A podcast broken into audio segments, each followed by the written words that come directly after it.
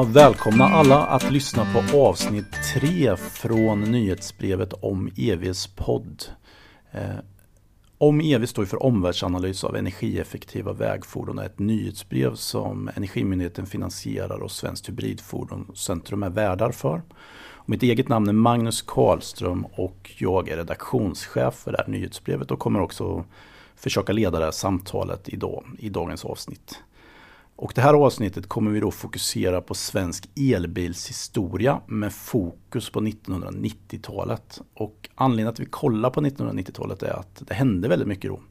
Och bland annat fanns det stora statliga svenska stödprogram, bland annat Nuteks teknikupphandling runt elfordon och Kommunikationsforskningsberedningens eh, demo forskningsprogram runt el och hybridfordon. Och de kommer vi diskutera lite mer längre fram i programmet så det kommer ni höra mer om.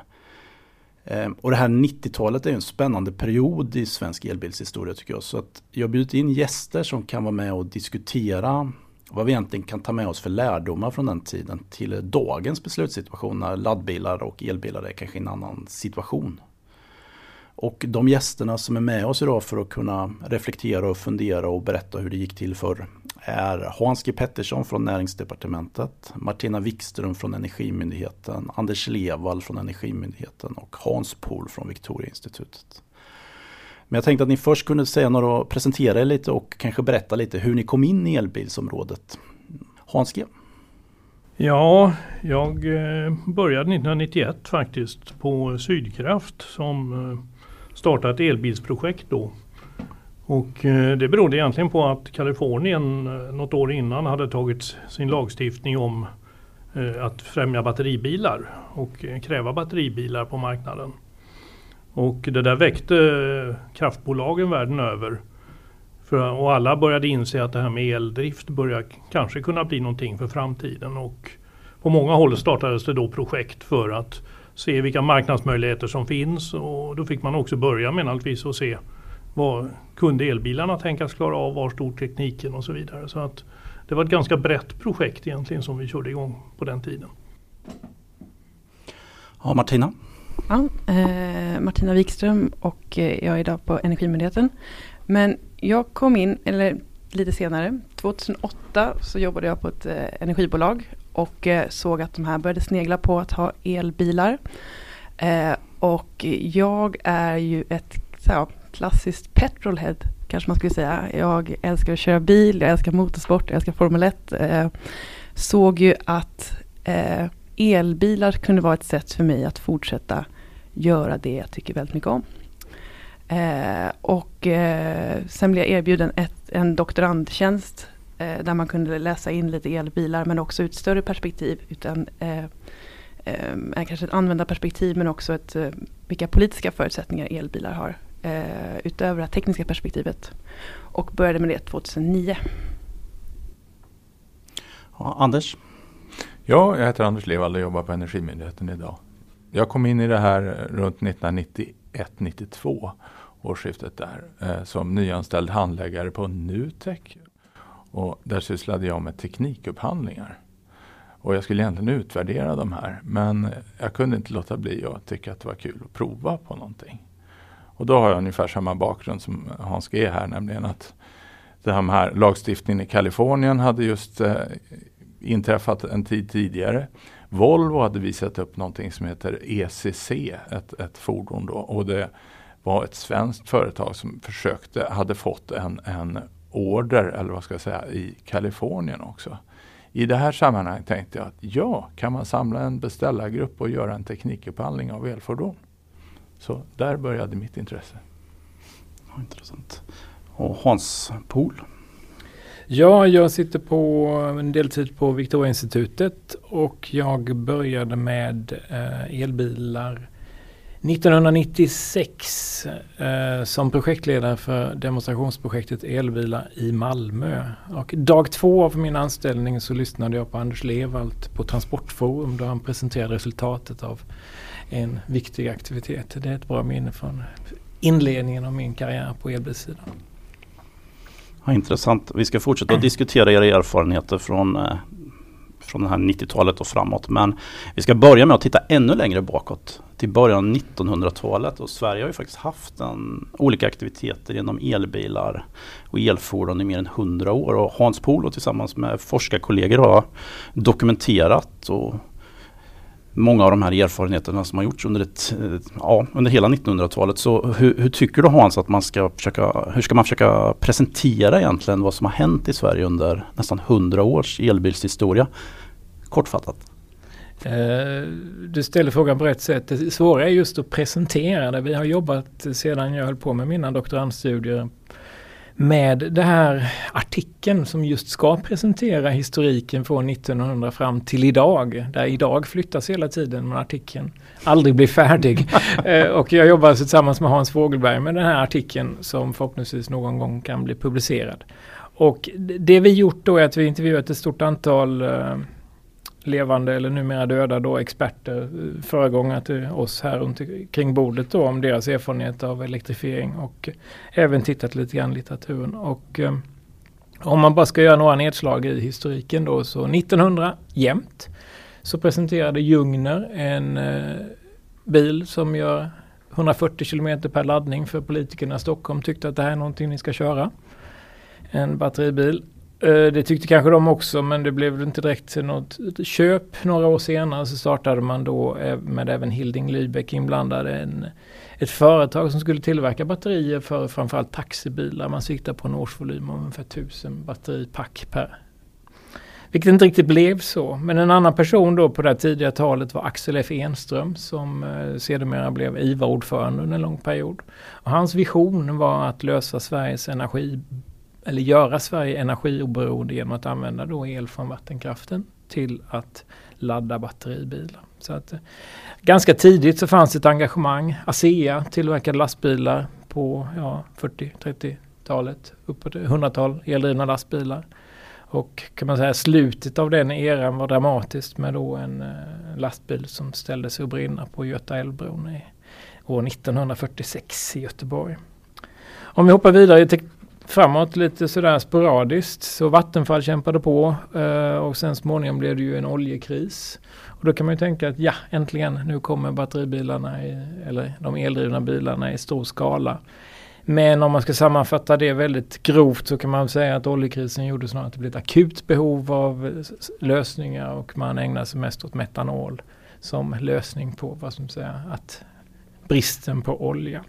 Vilket inte minst då en föregångare till Nutek opponerade sig mot då för man tyckte att det var synd att bara jobba med de kortsiktiga lösningarna och inte jobba med de mer långsiktiga elektrifieringsalternativen. I, eh, det som också kanske bör nämnas från historiken tycker jag är att eh, vi faktiskt på 70-talet hade en mycket livaktig batteriindustri med många olika tillverkare som tillverkar batterier i Sverige och som hade mycket vad som säga, idéer och lösningar som sedan då i följd av allmän vad som säger, omstrukturering av batteribranschen kommer att hamna utanför Sverige till väldigt stor utsträckning. Så att eh, då är vi på 70-talet någonting och om vi ehm, fortsätter då en konklusion då utav de här vad som säga mer eller mindre eh, lyckade försöken som gjordes. Televerket var inblandat och en del andra och Vattenfall har varit inblandat hela vägen eh, med olika försök eh, att köra bilar, ofta då eh, konverterade bilar med batteripack.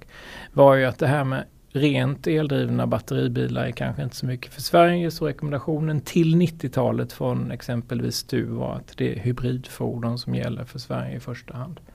Så att eh, det kan man säga att det var väl ingången till 1990-talet att Sverige bör satsa på hybridfordon. Jag tänkte bara, vi ska gå in lite, vi ska ju huvudfokusera nu på 90-talet men när du pratar om hybrider så, så menar du alltså Toyota Prius hybrider, inte sådana laddhybrider? Eh, jag tror inte det var så um, tydligt definierat. Om ja, man okay. säger som så att Toyota Prius fanns ju inte i föreställningsvärlden ens. Utan Nej, en hybrid då tror jag mer var en laddhybrid med någon typ av förbränningsmotor och ett batteri okay. i någon storlek. Eh, men eh, så jag tror faktiskt inte frågan var diskuterad då på det viset. Okej, så det var verkligen bilden av en laddhybrid under 90-talet som ja. var. Okej, Anders? Anders, jag kan bara kommentera att i den upphandling som blev sen teknikupphandling så var ju laddhybrider med. De var ju intänkta redan då. Och, mm. och jag skulle tro att den grupp vi hade förmodligen hade nappat bättre på det. Eh, men, men laddhybrider var absolut med då fast jag tror inte vi hade det ordet på dem. Men om vi fortsätter lite där nu. Du pratar om den här teknikupphandlingen. Kan du beskriva lite vad, vad som hände med den under 90-talet?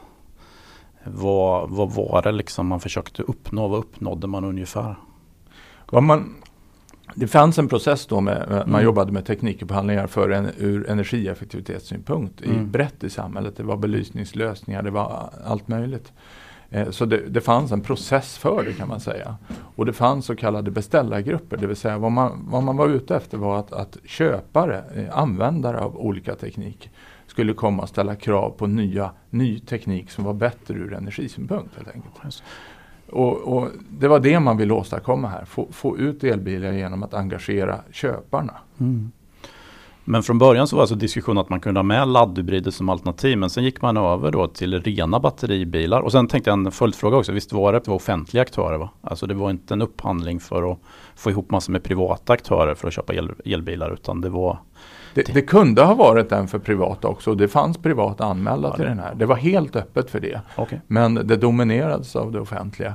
Och i den kravspecen som gick ut Ja. så var det med laddhybrider. Så där, i upphandlingen så var det det. Men det blev eh, i huvudsak ett fordon och det var ett eldrivet. Eh, som ett resultat av upphandlingen. Men det var helt öppet i processen. Men det blev bara ett fordon till slut. Var, varför då? Eller en modell då. Det är inte väl ett fordon utan det var många. Ja, det var egentligen flera upphandlingar dessutom. Det, Ja. var en lätt, det var en upphandling för en personbil och parallellt var det en upphandling för en lätt lastbil. Och Mm. lätta lastbilen kom vi aldrig i mål med ett avtal med någon part. Och eh, för, för personbilen blev det i första hand den här Renault eh, Clio då. Ja, just, just. Och så heter den. Men vi kan komma tillbaks lite till upphandlingen. Eller ville du säga något mer Hans om den här Eh, perioden? Det, det jag tänkte bara förtydliga var att eh, visst, det fanns ju med laddhybrider i upphandlingen men det fanns ju också då en definierad räckvidd som de skulle klara i elräckvidd vilket förmodligen gjorde det svårare att eh, producera den typen av fordon. Vart var den magiska gränsen då? På den Jag kommer inte ihåg, men Nej. kanske fem mil eller någonting. Ja, den var inte jättelång men den, den var nog för svår då. Kan man nog konstatera. Men jag tänkte, vi kommer tillbaka lite till teknikupphandlingen. Men Hans G, den här perioden nu du börjar jobba på Sydkraft och börjar titta på batterielbilar för att kraftbolagen var intresserade. Vad, hur var kraftbolagen intresserade och varför? Och vad var det liksom för... Vad lärde ni er under 90-talet när ni jobbade med den här frågan? Ja, kraftbolagens eller Sydkrafts projekt då som jag var engagerad i.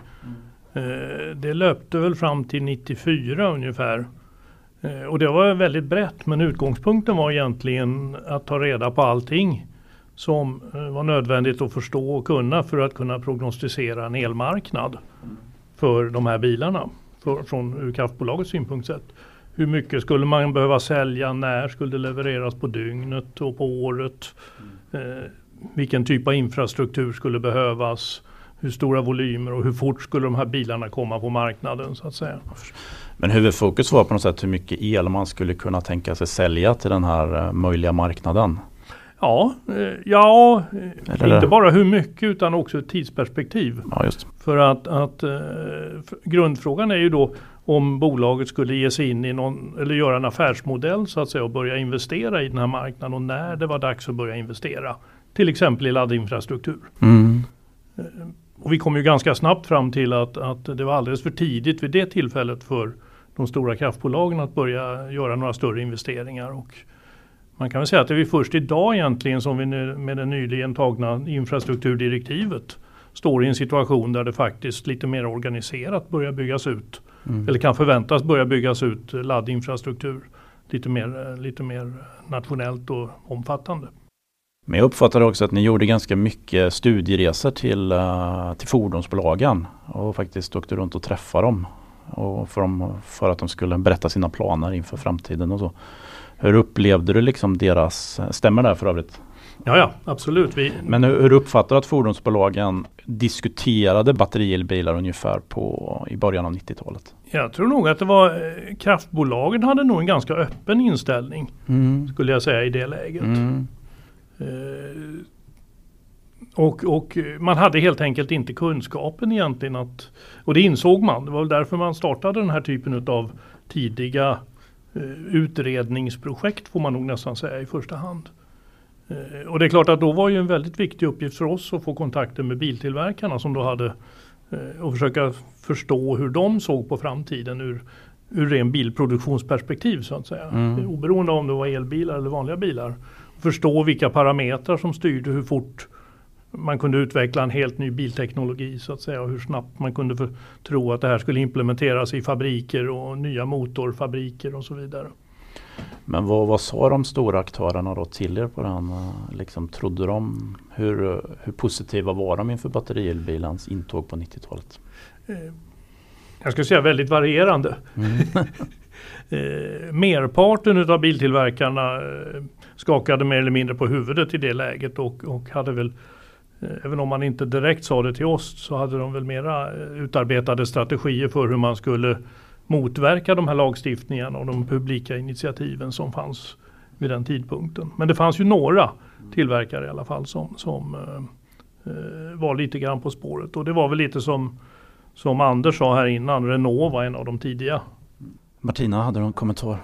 Ja, jag hade en fråga här. Eh, senare här under ja, 2008-2009, eh, då var ju inte den svenska marknaden ens på kartan för de här eh, biltillverkarna. Vi var helt ointressanta och även, även flera år efter det. Eh, det är kul att höra hur ni upplevde biltillverkarna, men det är kul att höra också hur biltillverkarna upplevde Sverige. Eh, det var väl så med Sverige att, att eh, om man då hoppar lite till den perioden att Sverige var ju ett föregångsland i världen egentligen skulle jag säga under hela 90-talet. För att, att eh, nästa steg egentligen i utvecklingen efter projektet på Sydkraft som då lades ner 94-95. Det var då att man startade ett svenskt nationellt demonstrationsprogram. Som, som då hade i uppgift att sätta, ja man fick 100 miljoner kronor att spendera på att demonstrera elfordon för att eh, främja eh, marknaden så att säga och, och, eh, lära kunderna hur de här bilarna skulle kunna fungera och så. Och eh, det här ledde, ledde till att Sverige var en stor aktör. Det fanns inte så många så stora projekt i det tillfället. Eh, och det här rullade på till eh, runt eh, sekelskiftet då, 2000. Men sen kom då vätgasbilarna i en ny våg så att säga och tog över för att elbilarnas utveckling gick inte så snabbt. Eh, och sen kom inte heller vätgasbilarna i mål så snabbt som man trodde. Och sen kom då biobränslena tillbaka. Så att biobränslena hade helt tagit över den svenska scenen eh, från ska säga, 2005 och framåt. Har egentligen gjort det fram till ja, för något år sedan eller ett par år sedan. Mm. Så har de ju helt dominerat i Sverige absolut. Anders hade också en kommentar. Jo, jag ville säga det att, att det var ju väldigt mycket eh, Kaliforniens lagstiftning och då, då, skulle de här nollemissionsbilarna i ganska stor omfattning börja levereras från 98. Och det var mycket det man, man tittade på. Men det var intressant, till exempel Renault då, som ju faktiskt kom med i den här upphandlingen. De har ju nästan ingen försäljning i USA alls. De gjorde ju det här nationellt i Frankrike och, och, idag är de också lite speciella kan man säga. Frankrikes satsning på elfordon jämfört med alla andra. Eh, men så man hade en sån här satsning och en tro på detta fast man inte hade den där moroten eller piskan med en lagstiftning. Och, och, det, och möjligen är det så att det var mycket bättre, att, den där, att det där hotet, man, man snarare motarbetade det. Men, men det är en aspekt på det. Sen, sen eh, tänkte jag på det här att vi, det vi nog ändå trodde redan från början var oerhört viktigt med användaracceptans. Och det var också därför vi gick in med det här med teknikupphandling. Därför att det fanns anekdoter från, från, från 90-talet då med, med fordon på flygplatser, elfordon som eh, inga krav alls. Man behövde inte ställa några krav på dem alls egentligen. De, de skulle gå bara några kilometer per dag. Och, och, det gick inte alls. Det gick inte. Det, ingenting funkade. Och den enkla förklaringen var att statusen var så låg så man lämnade bilarna oladdade varpå nästa person i det här skiftet helt enkelt inte kan köra. Så enkelt. Så status och acceptans och efterfrågan, jätteviktigt.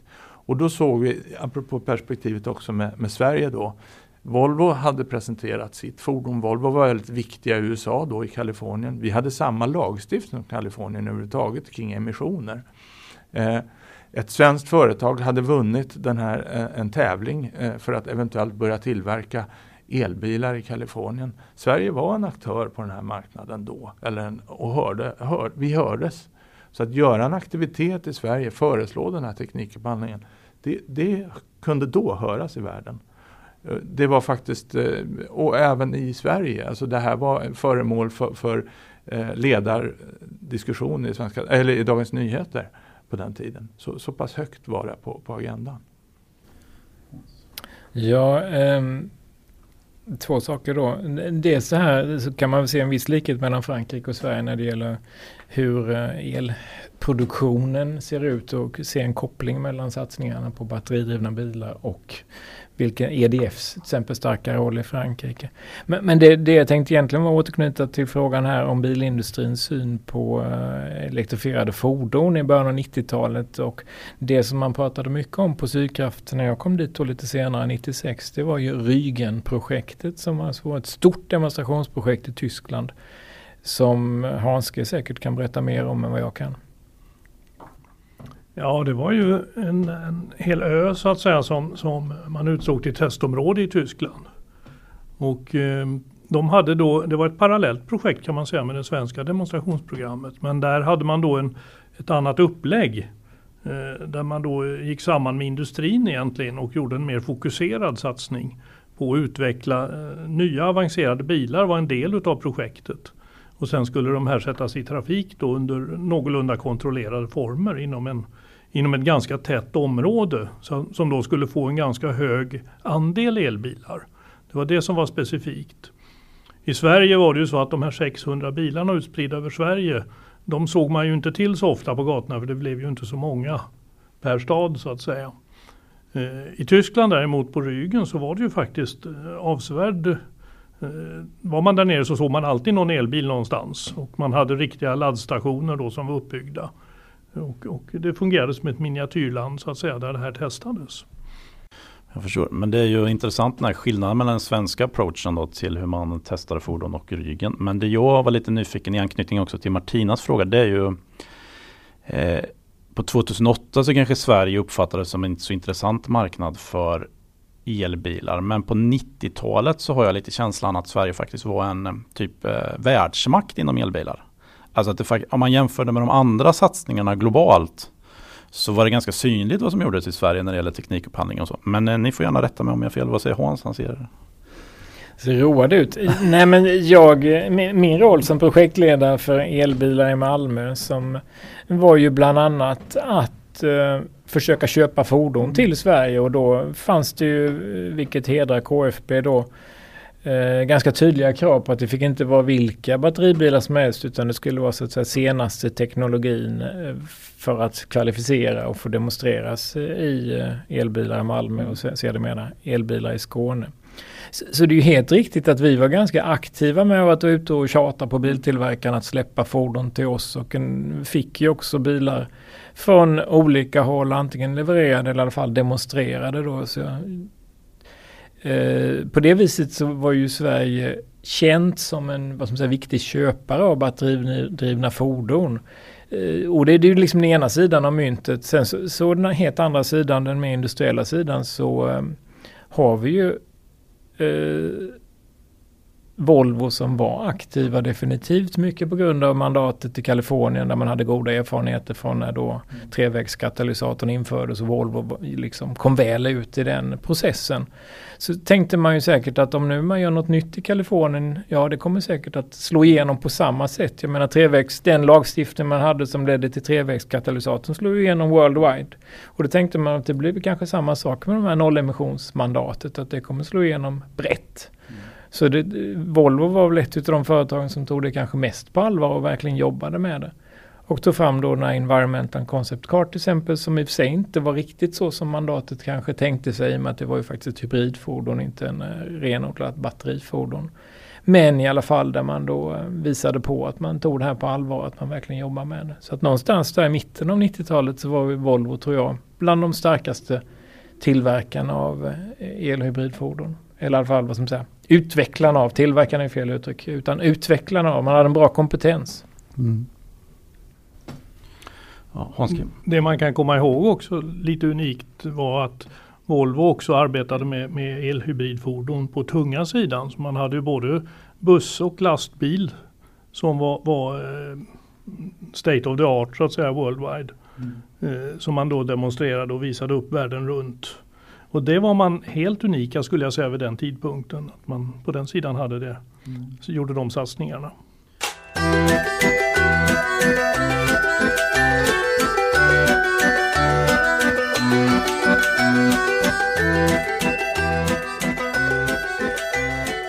Vi har ju mest pratat om liksom den här mer demonstrationsdelen av satsningarna på elfordon. Men om vi tar forskningspengar och forskningsinriktning i Sverige under 90-talet.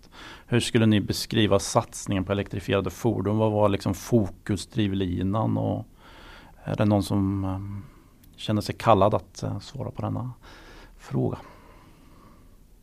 Jag kan säga att det fanns ett eh, elfordonsprogram eh, på Nutek på den tiden. Jag hade inte hand om det här men, men man hade väldigt mycket fokus på olika forskargrupper, alltså att en kompetensförsörjning kan man säga och, och eh, ha kunskap om batterier och eldrivsystem på högskolan. Eh, och det jobbades mycket med att få ihop eh, industri och eh, högskola även då. Och man, man hade olika eh, mötesfora där man möttes eh, och diskuterade det här. Men det uppstod aldrig det här liksom drivet.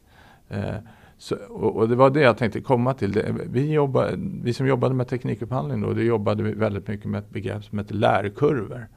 Om man får en industri som efterfrågar någonting, vi får en tekniktävling i någon mening, så, så, så, så kan man få någonting att ta fart. Och jag kan säga att det vi försökte se eh, indikatorer på det eh, under, den här perioden och jag vet att vi jublade i korridorerna när ryktet nåddes att, att eh, eh, Renault hade lagt en order på en massa uh, på underleverantörer av delar. För då gissade vi att då kanske de skulle komma med ett nytt fordon. Jag minns hur vi pratade om det. Och jag minns hur vi, vi också resonerade om första gången vi hörde rykten om att man på General Motors var så många som jobbade med elfordon att de inte riktigt kände varandra internt längre. Och då, och då pratar vi 100 personer ungefär. Eh, för då, upptäckte, då kunde man vara på en konferens i Kalifornien och möta två personer från, från GM och de, inte, de kände inte varandra. Och det här är ju oerhört basala mått på att någonting eventuellt händer. Va? Men om det här inte händer, då är det stendött och det blir ingen drivkraft. Va? Eh, nu kan vi ju se att det blivit en otro, otrolig drivkraft i att få fram bättre batterier till exempel. Och som det ser ut på senaste tiden nu så, så presenterades ju otroligt fina intressanta resultat och få ner kostnader och vikt och allt möjligt. Den där drivkraften att få igång det var jätteviktigt och vi försökte lyssna på sånt. Men det var de här två stora sakerna vi hörde om den här orden och, och de här lite strax över hundra. Så det tog inte riktigt fart kan man säga. Ja, Hanske? Ja, det man kan säga var väl att 90-talet präglades ju också av en viss, eh, vad ska vi säga, Eh, optimism vad som krävdes för att bygga, utveckla och bygga en elbil. Det fanns många projekt i, över världen, både i, i, USA, i Europa och i Sverige, där mindre grupper utav tekniker så att säga utvecklade eh, elbilar, elbilskoncept som man då eh, ville sätta i produktion och börja tillverka. Och även i Norge och Danmark så hade man då också projekt där man, där man eh, tänkte sig att utveckla en ny, ny, el, eh, ny bilindustri baserad bara på elbilar. Och då såg man den här elbilskunskapen som så väsentlig och central så att man utgick ifrån batterier och elmotorkunnande. Och sen skulle man då bygga resten av bilen runt det här och, och producera en bil. Eh, och det var nog hundratal företag runt om i världen som eh, blev, eh, kom ganska långt men ändå inte nådde marknaden så att säga. Och jag tror inte det finns något av de där företagen kvar i dagsläget längre. Vi hade då som eh, Anders sa ett svenskt bolag, ett svenskt konsortium som då offererade och vann en upphandling i Kalifornien. Just på en sån här konceptbil men, men eh, kom inte i mål sen, lyckades inte genomföra det det finns ju ett utav företagen idag som inte finns på svenska marknaden men som just har en batteribakgrund och det är det här Build Your Dream i Kina. Det, det, men, men de fanns ju inte då. Eh, men det är precis som du säger att, att det, var, det var så att man tänkte att det går att bygga från allt möjligt. Det här är inte så svårt. Och så gjorde man projekt. En liten observation när det gäller sådana här entreprenöriella strävanden är väl att de hade det svårt i Sverige. Dels med den svenska bilindustrin som givetvis inte gärna såg konkurrenter och dels faktiskt också de här ganska storskaliga satsningarna som vi gjorde inom de olika programmen. Så var inte de särskilt vänliga heller mot entreprenörerna utan ställde krav på att det skulle vara fordon som skulle kunna få service i hela landet och som skulle liksom vara mogna från dag ett. Och det är givetvis svårt för en entreprenör att möta de kraven. Så att det är inte så konstigt kanske att det var i Norge, Danmark och andra ställen som de kom längre i alla fall med sin uh, utveckling och ja, inledande marknadskonstintroduktion. Mm. Mycket om man tittar eh, tillbaka och tittar på den forskningen som finns beskriven eh, så är det ju stort fokus på att få fram tekniken överhuvudtaget. Eh, men det finns ju en, en, tydlig ansats till att man vill få in användarfrågor och hur användarna upplevde det här. Eh, men det är också ganska kul att se den som har tagit fram frågeformuleringen är kanske ganska tydligt tekniker eller ingenjör.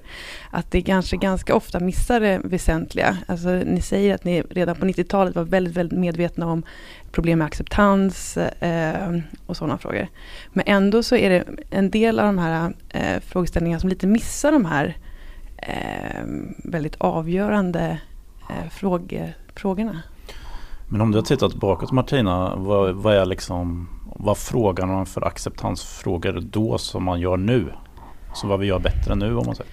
Dels har vi väl andra forskare inkopplade eh, som har eh, större palett av metoder än att bara fråga den här frågan. Eh, det var väldigt mycket att man skulle liksom vikta den här eh, upplevelsen om man upplevde den bättre eller sämre. Och sen om man tittar på vilka som körde bilarna var det ju de som hade valt det. Eh, Eh, så, eh, men just eh, eh, det blev ju ofta att man, eh, ska jag säga, eh, ja, men skulle, skulle vikta den här egenskapen, vilket kanske är lite svårt eh, för att man, man har en, en, en produkt, men sen vill man också liksom eh, acceptansfrågorna var egentligen inte för den berörda produkten utan hur man just tekniskt skulle eh, komma vidare med den här produkten. Eh, jag tänkte på det när du ställde frågan om vilken forskning som finansierades under 90-talet. Så skulle jag ju svara precis att då ägnar man sig ganska mycket i de här programmen åt forskning kring fordonens funktion i samhället. Alltså ganska många mjuka frågor kring hur det här ska kunna fungera. Och inte, givetvis fanns det också teknikuppföljning eh, kring energiaspekt och sådana saker. Men det var ändå, forskningen var ganska mjuk och ganska mycket kring just användarnas upplevelse och hur, hur fordonen ska fungera i samhället. Det var min upplevelse men det kanske var från mer tekniker perspektiv då att jag upplevde det som relativt många forskare som inkopplade som hade liksom den bakgrunden snarare än att man var batteritekniker. Och det, om man vänder på det då så känns det som att det vi inte la ner så mycket pengar på eh, då eh, var väl till exempel då batteriforskning. Batteriforskningen i Sverige har ju tunnat ut katastrofalt och fram till någon gång ganska ja, 2007 mm. eller någonting då man liksom satte igång ordentligt. Det fanns ett MISTRA-program som ägnade sig åt batterier och bränsleceller och i takt med att mm. bränsleceller då någon gång blev hett så var det inga batterier alls där heller utan då var det bränsleceller under en period och sen så slutade det. Och efter det fanns det knappt någonting vad jag vet. Så att det, det, det, är ju en ganska intressant sak att det var väldigt tillämpningsnära den forskning som bedrevs och då kopplat mycket till de här demonstrationsprojekten som vi hade det är min man, bild. För bara, Martina får komma in snart. Jag ska bara ta en Eller du tar din fråga först så tar jag min sen. Ja, nej men exakt, jag vill verkligen få det. Det var ju en, en ansats att man ville få in användarperspektivet. Eh, men det var ju också mycket eh, Tekniken som fanns då var ju en kompromiss från vad man kanske är van vid. Och kanske, eh, då, då kanske man mer fokuserade på den kompromissen mer än acceptansfrågor, plocka upp det positiva de eh, aspekter av det som förenklade arbetet eller det som, ja, och jobba utifrån det acceptansperspektivet. Ja. Eh, så jag vill bara säga, det är klart att den forskning som bedrevs var faktiskt eh, uttalat kan man ju se. Eh, intresserad av användarna, absolut. Men mer beskrivet då hur man eh, kommer över den här kompromissen. Eh, men jag måste bara kommentera att en batteri en laddbil idag är också definitivt en kompromiss lika mycket som den var då. Jag, jag tänkte faktiskt komma lite till den frågan lite. Alltså hur mycket egentligen teknikutvecklingen har spelat roll för vart vi är nu i relation till dåtidens erfarenheter av acceptans och så. Men jag tänkte bara ta en liten kort följdfråga på vad du sa förut om det här att det faktiskt var ganska stor forskningsinriktning på mjuka frågor. Eh, och då brukar jag kanske lite slarvigt tänka att då är det inte så stort industriellt intresse. För då är man mer intresserad utifrån eh, alltså, potentiella kunders intresse. Alltså om man tar Sverige, Sverige är alltid det här att man både är en fordonsproduktionsland och att man är en möjlig köpare av miljövänlig teknik då.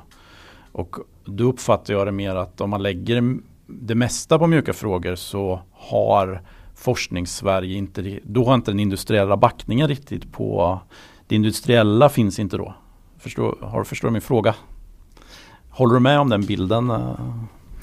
Eh, det gör jag att eh, man tar de programmen vi hade under 90-talet KFBs program, Nuteks program, så, så, blev de ju inte enbart men till ganska stor del pengar som inte gick till den svenska bilindustrins eh, direkta hjälp i alla fall. Indirekt hjälp givetvis att man fick vad som säga lärdomar om hur det här funkade men det var inte deras fordon som kom ut på vägarna i särskilt hög utsträckning utan det var ju då först hand franska fordon som kom ut på vägarna. Och det fanns vissa utvecklingsprojekt på Volvo som finansierades via Nutek och KFB men ändå relativt lite. Så att, och det var ju också en kritik mot de här programmen när de avslutades den svenska industrin inte hade varit tillräckligt involverad utan varit lite vid sidan av i de här programmen. Och det fick ju... Eh, och det, det, det är ju en... Eh, väldigt intressant eh, att det, det, det, var på det viset och lite modigt kan man nästan säga av offentliga sidan att våga köra program som inte var helt, vad som säger, strömlinjeformade med industrins behov. Jag skulle vilja komma in på en sak till. Eh, vad, vad, vad, som hände då på den tiden var ändå att, och som vi har med oss en hel del idag fortfarande. Eh, det, man etablerade ganska tydligt med General Motors eh, EV1-program eller forskningsprogrammet relaterat till det. Eh, etablerar man kunskap om att det var väldigt viktigt för att användaren kände till fordonet. Man kunde inte förutse vilka egenskaper i ett fordon, ett elfordon som kunden tyckte var bra. Men en av sakerna som, som, som eh, man uppdagade då i den här studien var ju det att laddning hemma, var, det var väldigt positivt att kunna göra det. Eh, och det, det, var en viktig fråga. Eh, så, så, så det, det, kom fram i den studien. Och det, det andra, det andra vi, vi såg av våra studier här i Sverige var det här att, att det här med begreppet snabbladdning och den här tankstationen eh, någonstans. Eh, den finns nog inte och den finns nog fortfarande inte i de här fordonen. Utan man, man behöver kunna ladda när man stannar. Men man stannar inte för att ladda i huvudsak. Eh, och det är fortfarande väldigt dålig kunskap om det i samhället idag. Den kunskapen hade vi då men den är fortfarande, den finns i princip inte. Ja, precis. Martina, hade du några mer kommentarer också?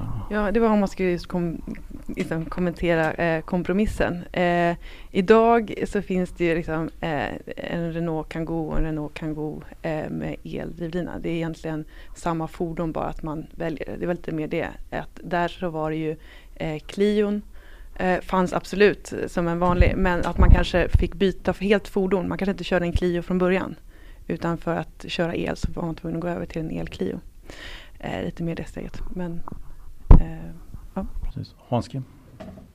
Jag tänkte också det här med kompromisser och det var väl kanske en av problemen på 90-talet att teknologin var så pass dåligt utvecklad. Inte bara på batterisidan utan även vad gällde motorer och prestanda i övrigt på bilarna. Så att, att de var faktiskt sämre som fordon betraktat. Så att, att ehm, de hade lägre topphastighet. De kunde knappt hålla 90 och, och, köra om en vanlig bil så att säga på motorväg och så vidare. Så att det fanns vissa begränsningar och det gjorde att man det betraktades ofta som lite grann andra klassens fordon. Inte som Anders nämnde här innan på Arlanda kanske att man saboterade och tyckte allting var helkass. Men, men Eh, man kan se en tydlig skillnad nu mot om vi tittar på bilmarknaden idag. Där vi har e- den ledande elbilen som knappast är en kompromiss om vi tänker på Tesla. Eh, och om vi tittar på andra biltillverkare som BMW och andra.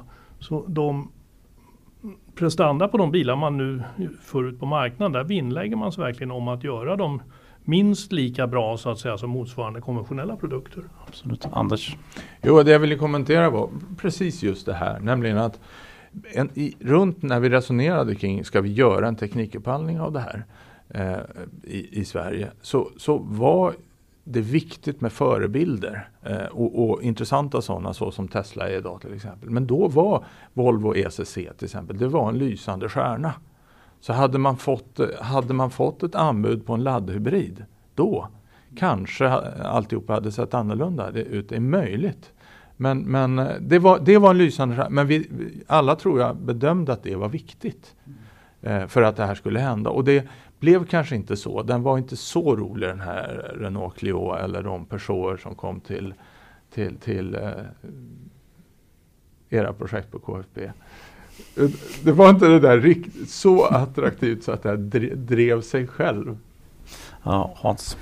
Ja, eh, nu vet jag inte vilken ända jag ska börja. Eh, men ett, en av de bilarna som vi hade i vårt projekt i Malmö var en Toyota RAV4 och den kändes inte som en kompromiss i negativ bemärkelse annat än då att den bara gick 20 mil per laddning och att den givetvis behövde laddas ganska länge när den väl skulle laddas. Men i övrigt så var det ju en bil som fin, vikt, fin bil där, tycker jag. Var, var skönare att köra än i princip alla andra bilar. Men, men en annan sak som vi pratat om lite grann och som jag själv funderat på nu på senare år EV1. Det, det, var ju kan man säga 90-talets Tesla. Det var en bil som var designad med mycket prestanda, med mycket image, med mycket av allt. Och vi, jag kommer så väl ihåg när vi såg de här reklamfilmerna som GM gjorde i USA med massa elektriska apparater som sprang efter EV1 i någon rolig film. Eh, men den blev inget. Sen då så kom Teslan och det blev någonting helt annat. Det är en ganska rolig eh, parallell. Det finns ju en klassisk sån slutcitat i den reklamfilmen. The electric car is here. Finns ju. Det är en, Exakt. En sån fin Hans. Yeah. Men, eh, där skulle jag vilja komma tillbaka och säga att, att, teknologin var inte mogen. För jag provkörde faktiskt EV1 på den tiden och den hade bra acceleration och den var sportig och snygg. Eh, snyggt sportbilsdesignad. Men utnyttjade man accelerationen så hade den en körsträcka på knappt fem mil. Mm, så. Absolut. Jo, eh, på det temat om när man provkörde den så var det, det var svårt att få provköra när man var på sådana här EVS-konferenser. För det var ju den bil som först stod och laddade. När alla andra bilar rullade så hade man kört slut på EV1. det är helt riktigt. Jag tänkte också säga att eh, den här eh, Toyota RAV4 det var en väldigt intressant produkt när den kom. Men den kom precis mot slutet av den här epoken. Så det, det på något sätt eh, så hann den inte bli eh, provad i någon större omfattning är, är min bild i alla fall. Mm. Ja.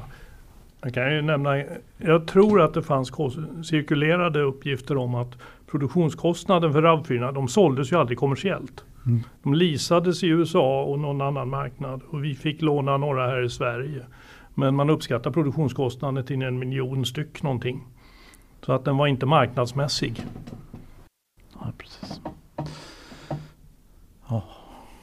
Okej, Hans. Eh, en, en, annan sak som jag tänkte på eh, kopplat till Anders eh, kommentar här om eh, teknikupphandlingen. Eh, min bild är ju att Volvo erbjöd ett eh, laddhybridfordon i teknikupphandlingen till, alltså som, men att det bedömdes inte som attraktivt. Vad säger du om det? Jo, men så var det. Det fanns ett sådant anbud. Det var, det var, var nu är förmodligen sekretessen släppt på det här för länge sedan, men det fanns ett sådant anbud. Men vi hade en ganska, ganska tydlig ordning eh, i det här, nämligen en beställargrupp som, som Eh, så att säga tittade på vad är det här attraktivt eh, både teknikmässigt och prismässigt. Eh, och vi hade långa diskussioner om det här men fann att det var inte så. Vi hade ett, inte ett sådant anbud som var, var antagbart. Ut, utan det blev istället Renault Clio. Mm. Ja, sen är det alltid ja. svårt med teknikupphandlingar med tanke på att eh, man kan ha det öppet och man får de anbuden som kommer in. Sen så kanske man inte får anbud alltid från dem som man hoppas på också. Så kan det vara. Precis. Och här fick vi ju ett sådant anbud men inte tillräckligt bra. Så den här köpargruppen kunde. Och man hade ett åtagande att gå vidare och gruppen ville det. Eh, och då blev det här andra fordonet istället.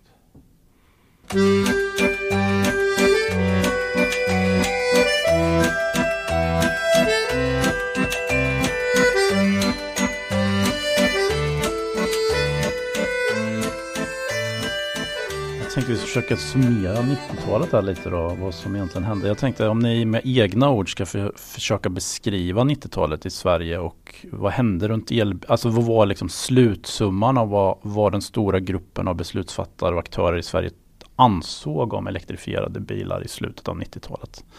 Är det någon som vågar sig på att sammanfatta hur känslan var då? Hans? Nej men jag ska börja så och börja med vad som säga eh, myndighetssammanfattningen av eh, de här olika programmen som körts då som mm. slutade ungefär 2000. Så var det ju att eh, batteribilar är attraktiva för väldigt små definierade nischer. Eh, att hybridbilar, alltså typ Toyota Prius som kom december 1997 är en vad man säga, fungerande teknik. Men att det som vi vill ha det är bränslecellsbilar. Ungefär där någonstans stod man då 2000. Att det var det som var eh, konklusionen utav de mesta insatserna på 2000-talet. Och eh, det är väl den myndighetssidan. Sen på industrisidan så får man ju säga då att Volvo jobbar ju med en massa olika fordon under hela 90-talet fram till 2000 ungefär, 2001 kanske. Man gjorde en uh, sån power split hybrid liknande eh, eh, Toyota Prius som man tog fram i två exemplar men sen överfördes den tekniken till Ford som ju blev ägare till Volvo och då så och de kommersialiserade den i en Ford Escape. Så att den tekniken kom ut på vägarna i ganska stora antal. Men inte i Sverige då på det viset. Och sen så, och Volvo då, vilket var en del av dealen då, jobbade vidare med en sån här, eh, eh, vad kallar man det? Eh, på Volvo kallar man det för en ISG, alltså Integrated Starter Generator hybrid, alltså någon typ av lätt hybrid. Och eh, visade och eh, men av någon lite outgrundlig anledning för mig så orkade man inte ta sista steget kommersialisera den utan la ner det då kanske 2001 någonting i någon intern kostnadsdrive. Och, eh, så där stannade så att säga den industriella utvecklingen i stor utsträckning mm. eh, ganska så totalt av i Sverige. Precis. Anders, vill du komplettera Hans? Ja, bara ett komplement. Med, med, parallellt med de aktiviteter som jag pratat om nu så jobbar man en hel del med småfordon också. Mm. Eh, lätta, eh, alltså parkfordon och, och, och postdistribution och annat. Eh, och det här var en mycket mindre, lägre fokus på det men det var ändå en aktivitet som man, som man höll på med på den tiden. Så det kom nya fordon, sådana här låghastighetsfordon då, med eldrift på den tiden och de blev kvar de, de överlevde faktiskt den här processen och de har fortsatt under hela perioden. Eh, och, och, Det är någonting som blev kvar men det har aldrig skrivits om tror jag nästan utan, och dokumenterats i någon bra omfattning. Men det var, det var aktiviteter som pågick parallellt. Mm. För när man skulle visa upp många elfordon samtidigt så var det väldigt svårt. För det fanns väldigt få. Utan den här karaktären av fordon. Jag, vet, jag ser många bilder framför mig i tidningar och annat när man skulle visa elfordon på torget. Och då är det mest sådana här låghastighetsfordon av olika slag.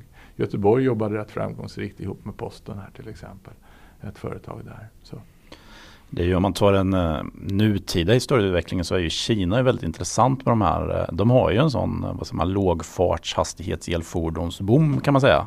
Mm. Som inte är så synlig. Så det finns en väldigt stark parallell till detta. Det är ju lite att när man säger elfordon så menar ju de flesta personbilar helt plötsligt. Det går fort i den uh, så att, eh, ja, det är spännande. Vill du komplettera någonting Martina? Eller? Mm. Nej, jag kan ju bara beskriva vad jag kan se. Mm. Jag var inte, jag, även om jag var med på den här tiden, så inte i den här branschen. Men eh, det, jag tycker det var synd, som ni säger. Politiskt var ju frågan lite död. Det var bränsleceller. Eh, eh, ja, att man också hade lite testat det. Andra kommuner hade lärt sig av Stockholm, Göteborg, Malmö som hade de stora demoprojekten och det togs inte upp. Så att det fick ingen bäring på, politiskt. Hanske? Jag tror också att man ska säga att, att hos industrin, bilindustrin, så var nog frågan lagd på is egentligen. Eh, för att det var väl faktiskt så att batteritekniken i det läget var inte färdig.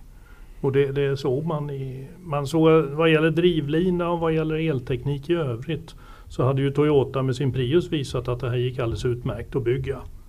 Men, men innan man kommersiellt skulle kunna bygga fordon och lämna garantier på livslängd och så vidare på bilar eh, och dessutom göra tillverkning eller utveckla dem för produktion skulle ta ett antal år. Och i det läget så dök samtidigt bränslecellerna upp som en kandidat och, och eh, eh, då vågade man väl helt enkelt inte fortsätta satsa på elbilarna i det läget. Anders? Jo, då vill jag gärna kommentera det. Det, det var rätt intressant att se. USA startar ju ett batteriforskningsprogram, USABC, mm. eh, strax efter eh, att Kalifornien bestämde sig om nollenergifordon. Och ni, ni, får gärna rätta mig om jag har fel som har tittat på det här. Men, men då satte man ju eh, rätt tuffa batterimål. Och, och eh, om jag minns, alltså man siktade på 98 skulle man nått de här målen. Och det, och det var litiumbatterier i rätt stor omfattning man siktade på redan då.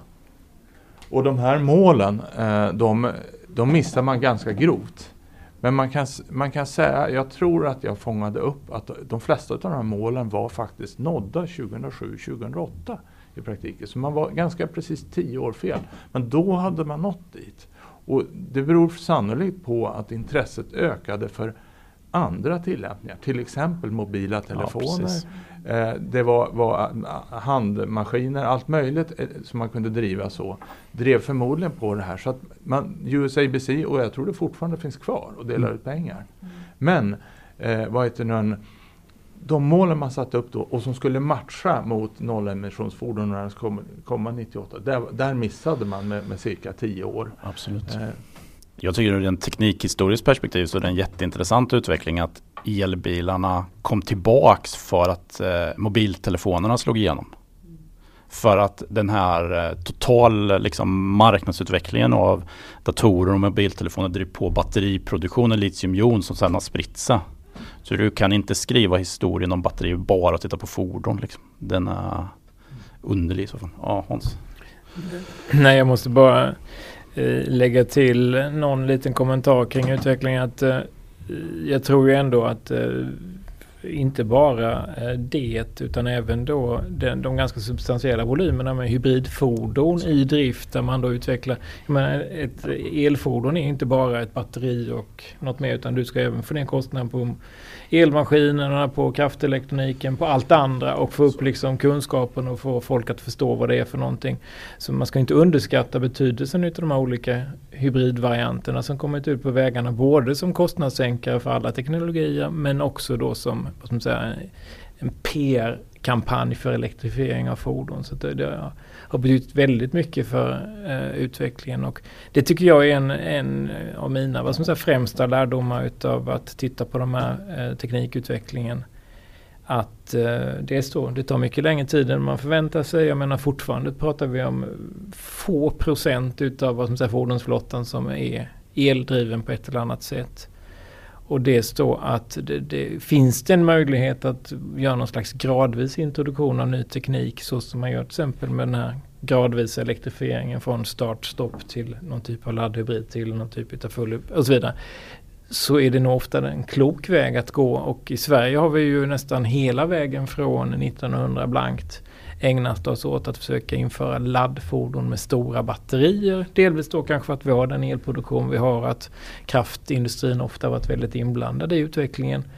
Men också kanske av andra skäl, så att det är liksom lättare att begripa ett rent elfordon. Det känns liksom lättare för folk att fatta än de här komplicerade blandningarna.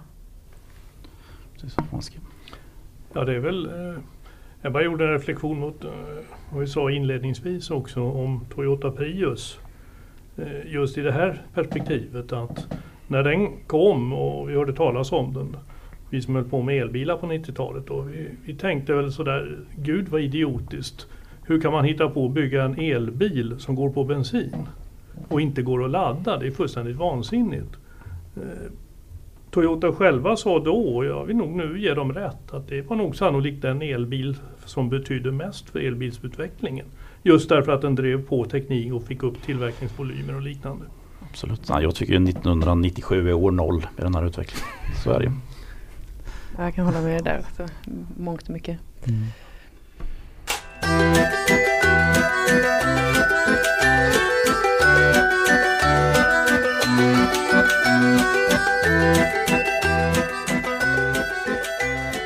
Men då har vi då pratat om 90-talet och era erfarenheter från den perioden och olika beskrivningar av vad som hände. Men jag tänkte att vi skulle försöka flytta över oss till nutid och jämföra den 90-talet med den här nya vågen som har varit under, ja, från 2010 och framåt.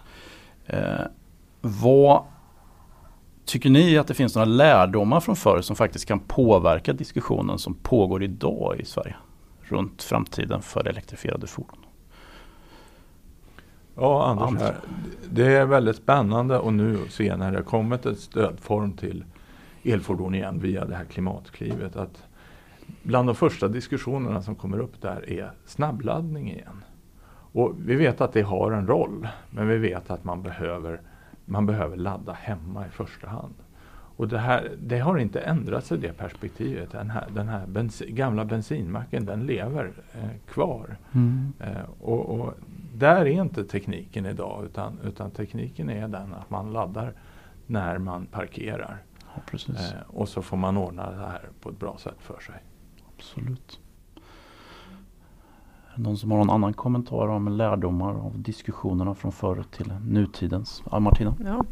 Eh, jag tycker det är rätt kul att just ha med den här eh, att det har varit ett acceptansproblem hela tiden och att man då också ska ägna fokus åt inte bara åt att optimera de tekniska aspekterna av tekniken utan att just eh, titta på acceptans runt omkring fordonen och hur man skapar en goda förutsättningar även där. För det har vi inte lyckats med kanske i mångt och mycket nu heller. De bilar som kommer nu är ju ganska högpresterande och eh, högkvalitativa bilar. Och eh, det skiljer sig ganska mycket från det som fanns på 90-talet. För då var det kompromisser som vi sa av naturligt nödvändiga skäl. Och eh, det är väl fortfarande så kanske att eh, ska det bli en större volym elbilar på marknaden nu så kommer de ändå att behöva bli billigare än vad de är nu. Och det är fortfarande en utveckling som vi har kvar att se. Eh, och där kan man möjligen kanske lära sig en del utav det vi gjorde på 90-talet också. Vilka krav man egentligen behöver vad ska vi säga, rent praktiskt nyttomässigt ifrån en liten enkel bil. Eh, som då kan vara en vardagsbil. Eh, och hur man då kombinerar det med en elbil. Så, så elbilstekniken så att man får ett nytt fordon som, som ja, kan bli allmänt accepterat och som säljas i större volymer.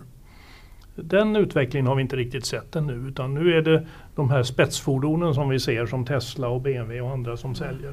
Jag kan jag tycka att Leaf har varit ganska bra där. Nissan Leaf har ju fått ett eh, genomslag på just den eh, mainstream-marknaden som man vill se. Eh, det man lite glömmer bort är ju att det är ju en fördröjning. De som har hittat till Leafen är en väldigt liten grupp och den stora majoriteten som är kvar eh, har dålig kunskap om Leafen. Eh, och de kanske får information om Tesla och kanske inte känner sig riktigt målgrupp för då elbilar. Att det kanske är det som är risken att, att det just antingen då att det fastnar som en, en eh, jätteexklusiv produkt enbart i folks medvetanden. Det är framförallt där som det spökar mest. Eh, men då får man vara lite tålmodig. Ja, Anders? Men eh, alltså fordonen är mycket bättre idag, till exempel Leafen, än, än, det vi såg då. Men egentligen så är det samma sak som de erfar som provar det eh, då som eh, idag. Nämligen att för väldigt mycket av de här vardags alltså tjänster som bilar utför i förvaltningar, i företag och även som andra bil till exempel. Så, så funkade de egentligen då också mm. och kan funka idag. Men jag tror att fordonen idag har en mycket, de skulle kunna få en mycket större acceptans idag ändå. Det är det som skiljer. Men alltså, man fick det ju att fungera om man, om man var positivt inställd eh, även då. Men det behövdes det, precis det. Ni, ni ler runt omkring men det var precis det som behövdes. Hade man en positiv inställning då fick man det att fungera. Eh, på det temat så råkar jag hamna på någon Tesla-hemsida och kan konstatera att även om man har en Tesla så måste man ju ha en positiv inställning till exempel om man ska åka Stockholm till Göteborg och planera sin resa och fundera på var någonstans ska jag ladda eller ska jag ligga och tråka i 80 hela vägen för att det ska räcka. Eh, så det, det, är fortfarande så att de som köper en eh, ren batteribil är ju en särskild... Eh, okej, okay, köper man en Tesla är man dessutom en särskild grupp för att man har rätt mycket pengar kanske. Men man har också en speciell inställning och är villig att ta lite, lite vad som säger omak och eh, tycker kanske rent av att det är roligt. Eh, men det, det, jag tänker på eh, när vi jämför då och nu och, och det är möjligt att jag inte är så uppdaterad på nuläget då. För att jag känner att det har blivit ett mindre fokus på att batteri eller överhuvudtaget eldrivna fordon finns bara där det finns mycket subventioner. Vi har Norge-exemplet, okej. Okay.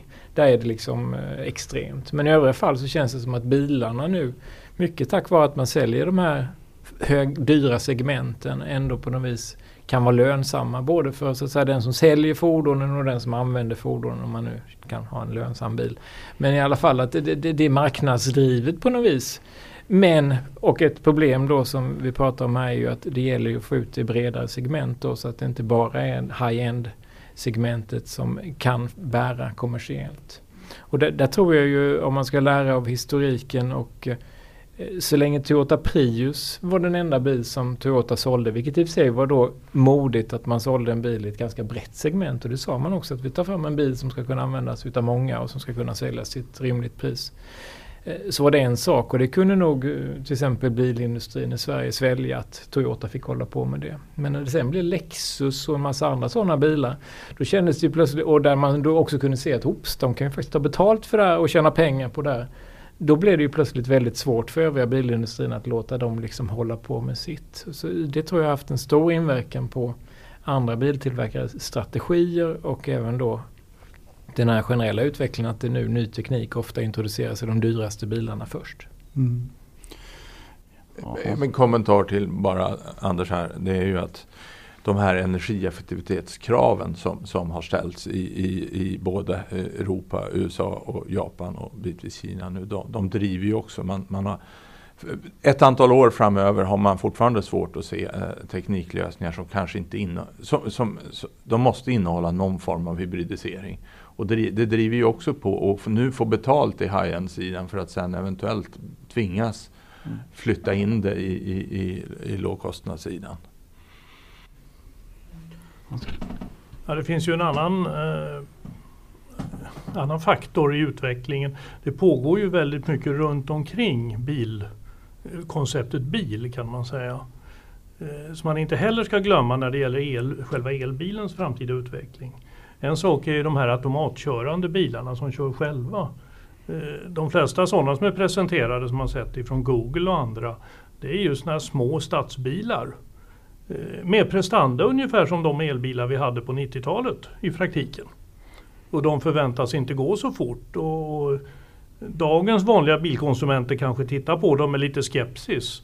Men å andra sidan så har vi idag hastighetsbegränsningar i städerna på 40 km i timmen, 30 km i timmen på smågatorna liksom i, i villaområdena. Hade någon föreslagit det på 90-talet så hade man nog blivit utskrattad mer eller mindre. Så att det pågår en mm. förändring utav transportsystemet idag skulle jag påstå. Som, som elbilen kommer att vara en del utav. Eh, så att eh, vi får nog se det som en långsiktig process men, men eh, det kommer att omfatta mycket mer än bara elektrifiering av bilarna. Jag håller med dig Hanske verkligen att det är lätt. Nu jobbar jag och försöker bevaka huvudsakligen elektrifierade fordon och man läser alla nyheter om detta men men egentligen är ju den stora trenden att det sker så många förändringar i fordonsindustrin parallellt just nu.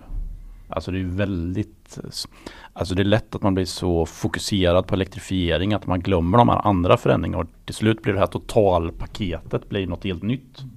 Så om man ska göra acceptansstudier på vad framtidens fordon kommer att bli, det är rätt svårt. Det är ingen som vet hur den ska, kommer se ut. Alltså det är rörigt åt alla håll. Oh, Hans? Jag håller med definitivt att det hänger ihop det där. Och eh, det, det är också eh, att äga en bil respektive att använda en bil, ha tillgång till en bil via någon typ av poolbilskoncept eller någonting.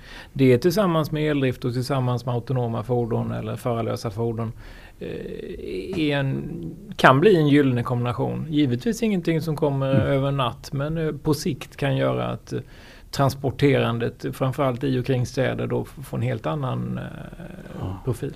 Absolut. Jag tror eh, eh, just den här ökade medvetenheten om sina resor eh, bidrar väldigt mycket. Och att man där börjar se att de här elbilarna med deras räckvidder är någonting ganska rimligt för min egen organisation eller min egna familj. Jag tror att det finns en annan medvetenhet kring sina transportbehov idag än vad det kanske fanns på 90-talet. Och sen för ladd, bil, liksom laddfordon då generellt så har vi idag ett, ett laddbeteende. Vi håller igång ett par tre devices varje dag. Eh, vi är vana att relatera till det på ett helt annat sätt som vi inte haft tidigare. Som kommer gynna laddfordon. Martina, du hade en liten fundering kring, eh, vi har hört lite röster här från 90-talet. Men hur tänker du liksom som eh, som med forskarbakgrund? Liksom, är det svårt att hitta källor inom det här området? Eller? Mina erfarenheter är att även om KFB kanske var väldigt duktiga på att skriva bra sammanställningar som fortfarande är tillgängliga på sina projekt. Så det här är 90-talet, det här är innan allting var digitaliserat. Att det gäller att ha tillgång till i princip personliga kontor, att kunna gå in på ett kontor och be om en fysiskt exemplar av en slutrapport Eh, för att komma åt de här erfarenheterna också. Så eh, tur att KFB finns, men också det är eh, eh, mycket av det som är demonstration var svårt att få in i vetenskapliga artiklar. Eh, och det hamnade i, i jättebra slutrapporter. Eh, men de finns inte så tillgängliga på nätet. Ja, nu är vi framme vid slutet av det här avsnittet där vi då har diskuterat 1900-talets elbilshistoria i Sverige med fokus på 90-talet. Och det var en aktiv period där det hände väldigt mycket. Och jag tycker det känns viktigt att vi som jobbar med elektrifierade fordon har en kunskap om den här tiden och försöker förstå vad som hände och kanske fundera runt de lärdomarna som kom från den tiden. Så det är därför vi har försökt göra den här podden idag. Ehm, jag tänkte också försöka säga någon kort summering av just 90-talet. Och som ni har hört så var det ju en stor aktivitet men att i slutet av 90-talet så blev ju fokus som att det är något riktigt elbilar som vi ska satsa på i Sverige. Och det ledde ju till att början av 2000-talet blev en, ganska, en period med ganska låg aktivitet inom elbilar innan den nya vågen runt 2009-2010 kom. Så jag undrar om någon av gästerna har någonting att säga emot min sammanfattning annars så säger vi tack och adjö. Tack och adjö allihopa.